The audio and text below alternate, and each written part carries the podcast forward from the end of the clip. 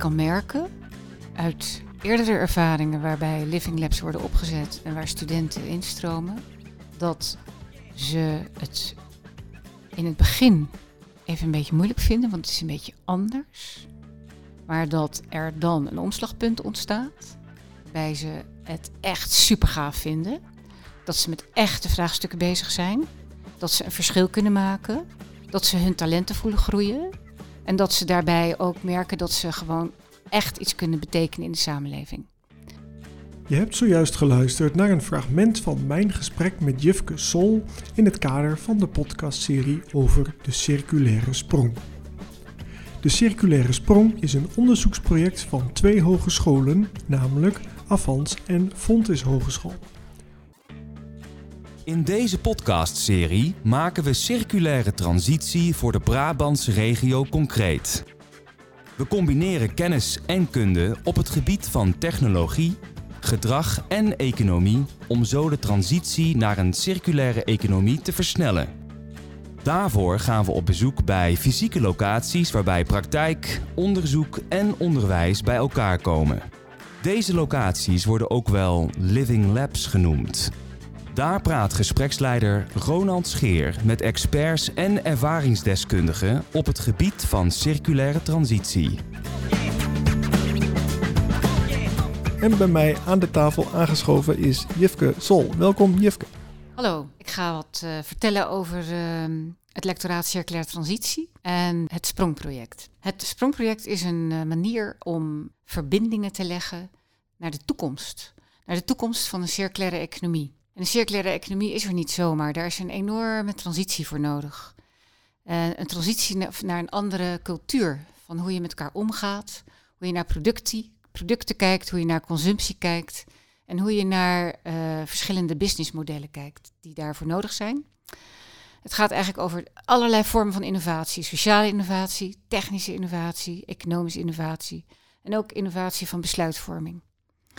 Het Sprongproject heeft uh, ten doel om een nieuw ecosysteem te ontwikkelen, wat dat voedt, waarmee je de mogelijkheid krijgt om als student, als onderzoeker, als burger, als ondernemer je te um, verbinden aan die uh, toekomstige economie die nu aan het ontstaan is. Door te exploreren, door te leren, door creatief te zijn, door te durven.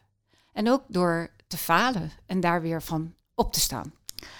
En de plek waar dat het beste kan plaatsvinden, dat zijn living labs. En living labs hebben ook een, uh, zijn eigenlijk learning communities, plekken waar je samen leert, ontdekt en creëert. En uh, voor het onderzoek is dat een manier om vraaggestuurd te werken, om te kijken wat voor soort van vragen hebben ondernemers, wat voor soort van vragen hebben burgers en overheden. Bijvoorbeeld, hoe kan ik circulaire zonnepanelen ontwikkelen? zonnepanelen zijn eigenlijk na 25 jaar afval. En op het moment dat je ze weggooit, weet je niet met die materialen, die kun je namelijk hergebruiken. Het is wel belangrijk dat consumenten, huiseigenaren, mensen die uh, op hun daken zonnepanelen leggen, dat weten. En daarin mee kunnen beslissen. En daar een budget voor hebben. En begrijpen hoe je het onderhoud doet. En gewoon sowieso begrijpen wat circulair leven betekent. Uh, we hebben nu um, eigenlijk zeven living labs opgebouwd. Ik ga er een paar thema's van benoemen. We hebben een living lab op het gebied van bouw, bouwen en wonen. Uh, we hebben een gebied op het gebied van voedseltransitie, op het gebied van textieltransitie en op het gebied van high-tech. Er is tussen deze labs onderling is wat uitwisseling mogelijk. Bijvoorbeeld een hergebruik van materialen kan betekenen dat je textiel gebruikt voor isolatie van huizen. Dus dan komt textieltransitie in contact met de bouwtransitie. En zo zijn er allerlei uh, ja, materiaalvraagstukken, hoe je in de schaarste van materialen kunt uh, opvangen. Dat betekent dat je systemisch moet denken, dwars door bestaande productielijnen heen. Dwars door bestaande, wat je gewend bent, wat normaal is, ga je kijken naar wat zou er kunnen.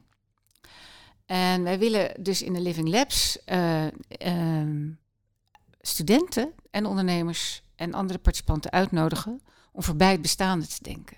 het lab gericht op bouw en bouwen en wonen.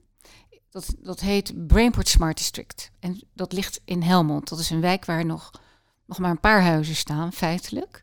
En waar het gaat over de, de combinatie van energietransitie, hergebruik van water, mobiliteit die elektrisch is en participatie van bewoners daarbinnen.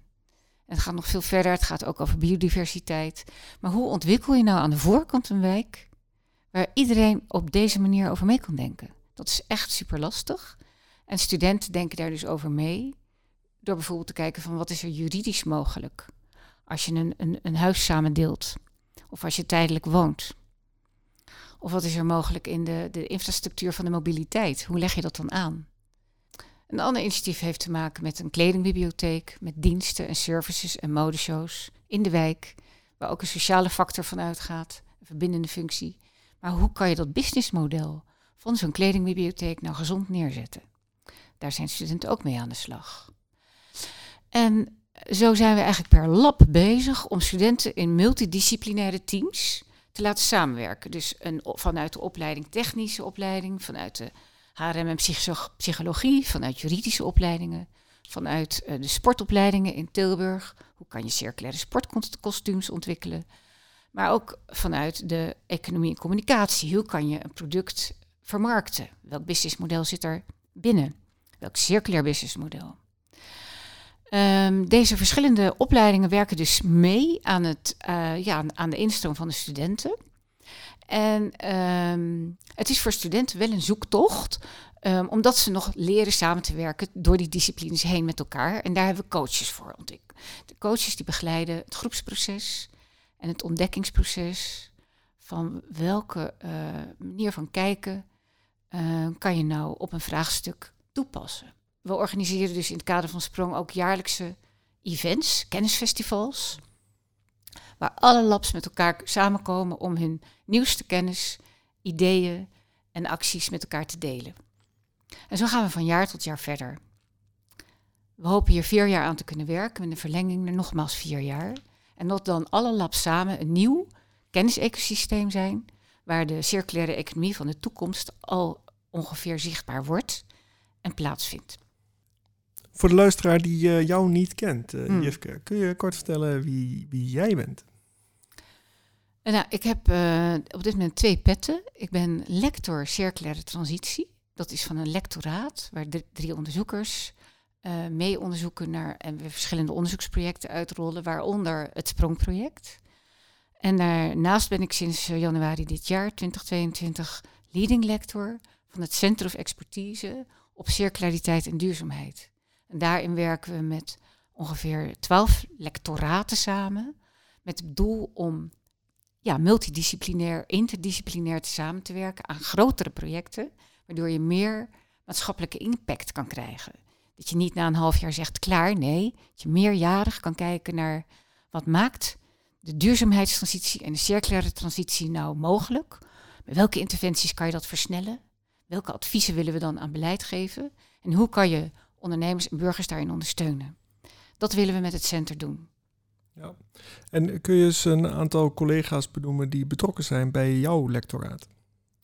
Bij het lectoraat Circulaire Transitie hebben we op dit moment vier onderzoekers die ook per lab iets doen. Uh, we hebben uh, Meerte Velter. Zij is uh, ontwikkelaar van circulaire businessmodellen. Zij is vooral betrokken bij de Brainport Industry Campus. We hebben Yvonne van Lid. Zij is betrokken bij Innovatiehuis de Pil gericht op sociale innovatie. We hebben Jos Pieters, die is bezig bij Brainport Smart District. Die is ad interim uh, eigenlijk de, de, de verbinder. En in de toekomst kan er nog iemand anders voor in de plek komen, wie, dat, uh, wie zich daarvoor aanmeldt. Uh, we hebben um, in de textiellab hebben we um, onderzoeker Majid Massoudi en Jeske Nedersticht. En Karen Jansen uit Avans, want we werken samen met Avans, niet te vergeten. En er zijn dus ook uh, Avans Labs, die zijn wat meer gesitueerd in Bokstel en uh, Breda. En die zijn voornamelijk gericht op voedseltransitie. Um, de verschillende personen die daar de kar trekken, die kunnen in de verschillende uh, podcasts die hierna komen ook duidelijker aan het woord komen. Ja, je noemde net Avans is een partner, um, maar er zijn vast nog meer partners uh, bij betrokken. Nou ja, kijk, um, we zijn zeg maar als we zijn een heel groot consortium waarin meerdere hogescholen samenwerken. Maar met Avans en Fontes zijn we echt de, het, laat maar zeggen, de, de kerntrekkers. Uh, maar we hebben wel uh, echt maar, uh, afspraken gemaakt met intermediairen, zoals Midpoint en Brainport Smart District en Brainport Industries, Meijerijstad, Innovatiehuis de Peel. Binnenkort komt Ecuador Boekel erbij. Dus dat, en daarnaast zijn er ook, zijn er ook universiteiten betrokken, zoals Maastricht Universiteit en Hogeschool Zuid en Tilburg Universiteit. En er zijn, Groene Brein is ook een belangrijke partner. En ik heb, uh, er zijn nog meer partners waar we op termijn meer of mindere mate mee gaan samenwerken, afhankelijk van de vraagstukken die zich voordoen. Wow, dat zijn er wel echt veel. Ja, ja het, is, uh, het vraagt ook een heel projectmanagement uh, stukje, maar daar zal ik je nu niet mee vermoeien. Um, en dat sprongproject, uh, dat heeft uh, vast ook uh, financiering, cofinanciering. Um, zonder in details te gaan, zit er daar Europees geld bij? Of is het... het is nadrukkelijk Nederlands, gericht op hogescholen. En met de bedoeling omdat dat hogescholen eigenlijk een hele bijzondere rol hebben in praktische kennisontwikkeling. Ehm, eigenlijk een tussenstuk vervullen tussen de, de, de, de wetenschappelijke universitaire opleidingen en de mbo-opleidingen. En het, is, uh, het, is, uh, het gaat over een miljoen subsidie. Die wordt toegekend en waar wij een miljoen cofinanciering voor hebben gevonden. Samen met Avans. En dat kan na vier jaar weer nog een keer verlengd worden. Nu staan er verschillende gesprekken opgeleid in het vervolg van deze podcastserie. Um, een daarvan is bijvoorbeeld Midpoint Brabant. Um, zo zijn er meer. Wil je een paar van die gesprekken nu toelichten? Of zeg je eh, voor de luisteraar blijft dat een cliffhanger en uh, is dit een oproep om zich te abonneren? Nou, het is uh, vooral um, het mooie van deze podcast-serie is dat je niet alleen nu een overzichtje hebt, maar dat je de diepte in kan gaan per lab. En dat je per podcast meer te weten komt over respectievelijk het Textiellab in Tilburg, Paper Smart District in Helmond, Hightech Innovation Lab op Eindhoven BIC, Innovatiehuis de Peel in Deurne en um, Bokstel, uh, De Kleine Aarde, waar hele bijzondere dingen gebeuren. De, de Herenboeren bij Breda. Er is nog iets in opkomst uh, waar we dan zeg maar nog niet een podcast voor gaan maken. En zo kunnen we steeds, uh, ik denk dat we wel tot twaalf podcasts komen, dus blijf luisteren. Heb ik afsluitend nog iets niet gevraagd of wil je nog wat toevoegen? ik kan merken uit eerdere ervaringen waarbij living labs worden opgezet en waar studenten instromen, dat ze het in het begin even een beetje moeilijk vinden, want het is een beetje anders. Maar dat er dan een omslagpunt ontstaat, waarbij ze het echt super gaaf vinden. Dat ze met echte vraagstukken bezig zijn. Dat ze een verschil kunnen maken. Dat ze hun talenten voelen groeien. En dat ze daarbij ook merken dat ze gewoon echt iets kunnen betekenen in de samenleving. er worden ook hele speciale uh, trainingen aangeboden voor studenten die het gevoel hebben dat ze hun eigen leiderschap en talenten extra willen ontwikkelen. Dat is ook mogelijk via de Living Labs. En zo zijn we steeds aan het doorontwikkelen met elkaar. Wauw. Nou, dat klinkt supergoed. Als ik student was en ik mocht kiezen, dan wist ik het wel. Ja, ik ook. Ik stel afsluitend uh, altijd een aantal vragen. En één daarvan is: heb jij recent een boek gelezen wat jou heeft geïnspireerd? Ja, uh, dat is van Jan Rotmans en het heet Omarm de chaos. En dan denk je, oh god, dan ga je dat lezen en dan wordt het eigenlijk heel overzichtelijk. Doordat je de chaos omarmt, ga je lijntjes, patronen, mogelijkheden, kleine stapjes en grote stappen zien. En je kunt dan gaan kiezen. Oh, ik begin met uh, mezelf als consument. Of ik begin met mezelf als ondernemer. Of ik begin als overheid. En vanuit die verschillende invalshoeken krijg je een soort adviezen en tips. En dan komt het op een gegeven moment weer bij elkaar. En het geeft hoop voor de toekomst. Maar het geeft ook een, een urgentie aan. Ja. En is er ook een podcastserie waar jij naar luistert? Ehm, ik luister naar verschillende soorten podcasts uh, die uh, bijvoorbeeld uh, via NRC worden aangeboden. En ik vind het altijd wel interessant waar, hoe de wereldeconomie functioneert. Waar geld verdwijnt en waar het weer boven water komt. En hoe allerlei witwaspraktijken werken. Um, omdat dat, uh, ik vind die, dat soort podcasts, maar ik heb ze niet, ik weet ze niet uit mijn hoofd, maar heel interessant omdat je dan zicht krijgt op hoe ongelijkheid in de wereld eigenlijk uh, onderhouden wordt. En hoe, waar je er wat aan zou kunnen doen. Maar daar moet je heel slim voor zijn, denk ik. Maar het vooral echt willen.